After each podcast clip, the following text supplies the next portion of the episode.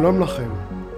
שמי עמי בן בסט, אני סופר מדע ובלוגר, והפודקאסט שתשמעו היום הוא חלק מפרויקט שאנחנו מכנים אותו 10 נקודה. סדרת פודקאסטים קצרים המנסים בעשר דקות בלבד לגעת בקצוות של החוויה האנושית, לספר סיפורים לא ידועים, להעלות תמיהות, לזרוע ספקות, קצת להתריס, ובעיקר להציע תשובות עדכניות בשורה ארוכה של נושאים בתחומי מדע, היסטוריה, תרבות, חלל ועתיד. הנושא היום הוא חייזרים, לא סיפור חדש.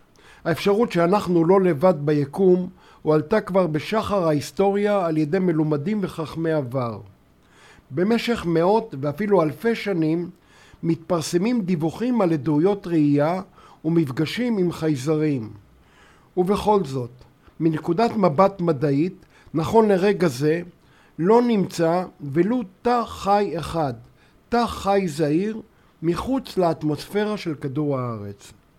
וזה, צריך להודות, קצת מוזר.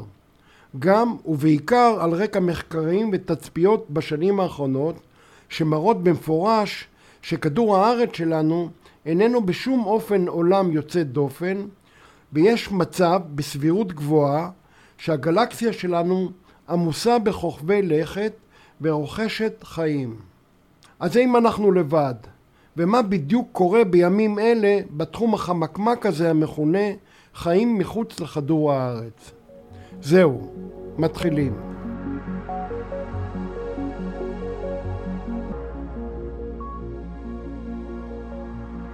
תצפיות שנעשו בשנים האחרונות מלמדות שהגלקסיה שלנו גדושה במערכות שמש והכדור שלנו כנראה איננו ייחודי.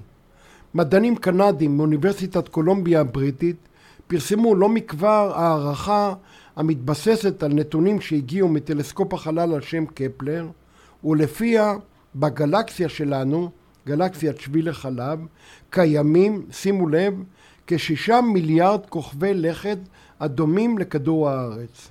המדובר בעיקר בטמפרטורות נוחות שמאפשרות קיומם של מים נוזלים.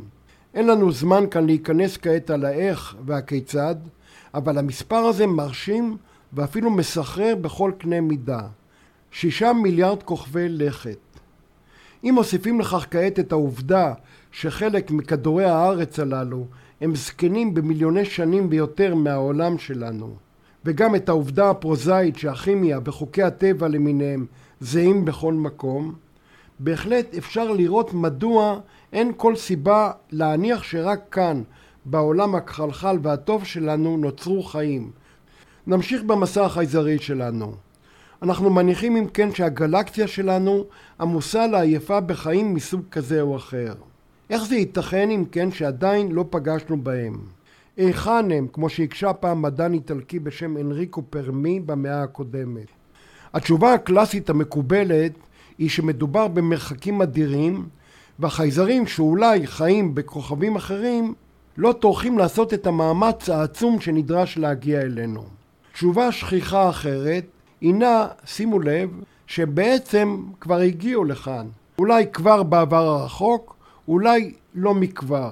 אלא שאנחנו לא ממש מזהים או מודעים לכך. ננסה לבדוק את ההנחה המוזרה הזאת בצורה פרקטית יותר. המרחק למערכת השמש הקרובה ביותר לכדור שלנו, אלפא סנטאורי, היא כ-4.2 שנות אור, שזה בקילומטרים המספר 40 ועוד כ-12 אפסים. מדוע שתושבי המערכת הזאת, בהנחה שהם קיימים, ישקיעו את הזמן ואת האנרגיה הפנטסטית שנדרשת כדי לגמוע את המרחקים האלה? מה, מה כבר יש בנו, בני האנוש, שיגרום לתרבות אחרת, אולי מתקדמת מאוד, להגיע לכאן? ואם הם מחליטים בכל זאת, מסיבות שלהם, לצאת לדרך, בואו ונראה להיכן זה הולך.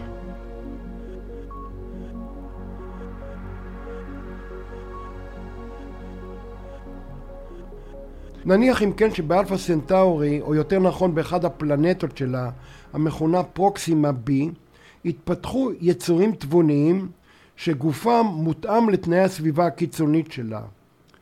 זה אומר למהירות ההקפה סביב השמש שלה, בסוגריים כ-11 יום בלבד, וגם לעובדה שצד אחד שלה מופנה כל העת לשמש.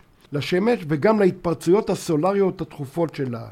השמש אגב היא מסוג המכונה ננס אדום. ההתפרצויות של השמש הזאת ממטירות על שמי פרוקסימה B מטר של חלקיקים קטלניים שמלווה בקרינת על סגול. קרינה מהסוג הזה הייתה ממיתה כל יצור חי בכדור הארץ. נמשיך. בהנחה שיצורים מפרוקסימה B בדרך אלינו בעזרת הטכנולוגיה המאוד מתקדמת שלהם, האם בכלל נוכל להבין ולזהות אותם?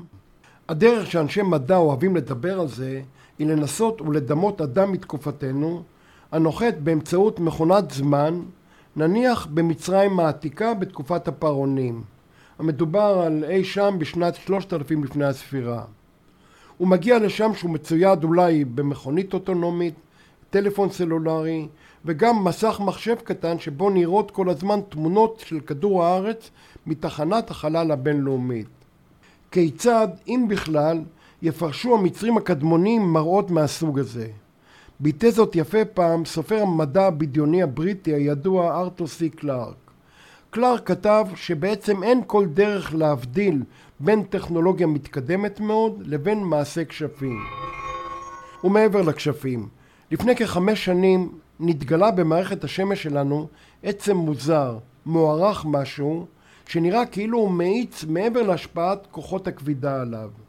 חישובי המסלול שלו הראו שמדובר בכלל בגוף בין כוכבי שהגיע לא ממערכת השמש שלנו, כמו שרוב הגופים שאנחנו רואים מגיעים, אלא אי שם מרחבי הגלקסיה. האם הומו אמוע, זה השם שניתן לו, הומו אמוע, האם הוא אולי שריד של ספינת חייזרים שביקשה להגיע אלינו מרחבי הגלקסיה? יש כמה אנשי מדע רציניים שסוברים שזו בהחלט אפשרות. בכל מקרה, התחושה היא, וזו רק תחושה, שנושא החייזרים הולך ומתחמם.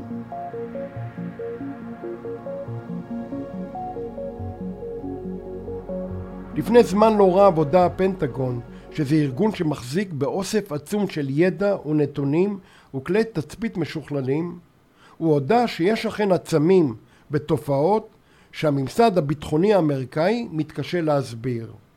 האם ההכרה בקיומם של עב"מים ובלשון הפנטגון תופעות לא מזוהות מקדם אותנו במשהו? אינני יודע. במקביל, שטף העדויות על העב"מים נמשך כל העת בכל רחבי העולם. בעצם הוא לא הפסיק לרגע. בהיבט התרבותי אפשר אולי לראות את העב"מים לא רק ככלי טיס אולטימטיביים שמשמשים לכאורה את החייזרים, אבל גם כגופים שמציתים את הדמיון ודואגים כל הזמן להשאיר את שאלת החיים והחייזרים חמה ועל השולחן. נכון שרובן של העדויות לגבי העב"מים ניתן להסבר, החל מתופעות אטמוספריות, תעתועי ראייה, כלי טיס מהירים, ציפורים, פייק, אולי גם דמיון עשיר, אבל חלק קטן מהם בהחלט שווה בדיקה. בינתיים, מה שידוע לנו היום, ואפשר לסכם את זה במשפט אחד, עד כמה שזה נשמע לא נעים, אין לנו כל ראייה לקיומם של חיים אחרים, וגם לא לחייזרים שבאו מכוכבים אחרים. יש לנו ממצאים שמחזקים מאוד את האפשרות שהם ישנם, אבל ראיית הזהב לקיומם עדיין חסרה. בהחלט יכול להיות שאנחנו מפספסים פה ושם בגדול.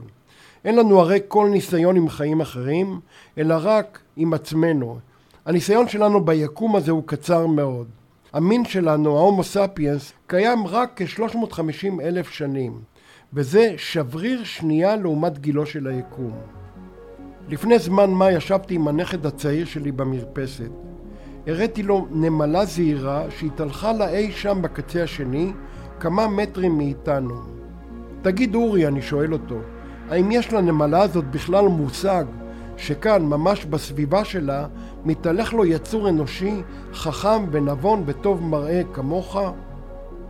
לא חושב, הוא השיב לי. בסיפור הזה, אנחנו, בני האדם, אולי משולים לנמלה.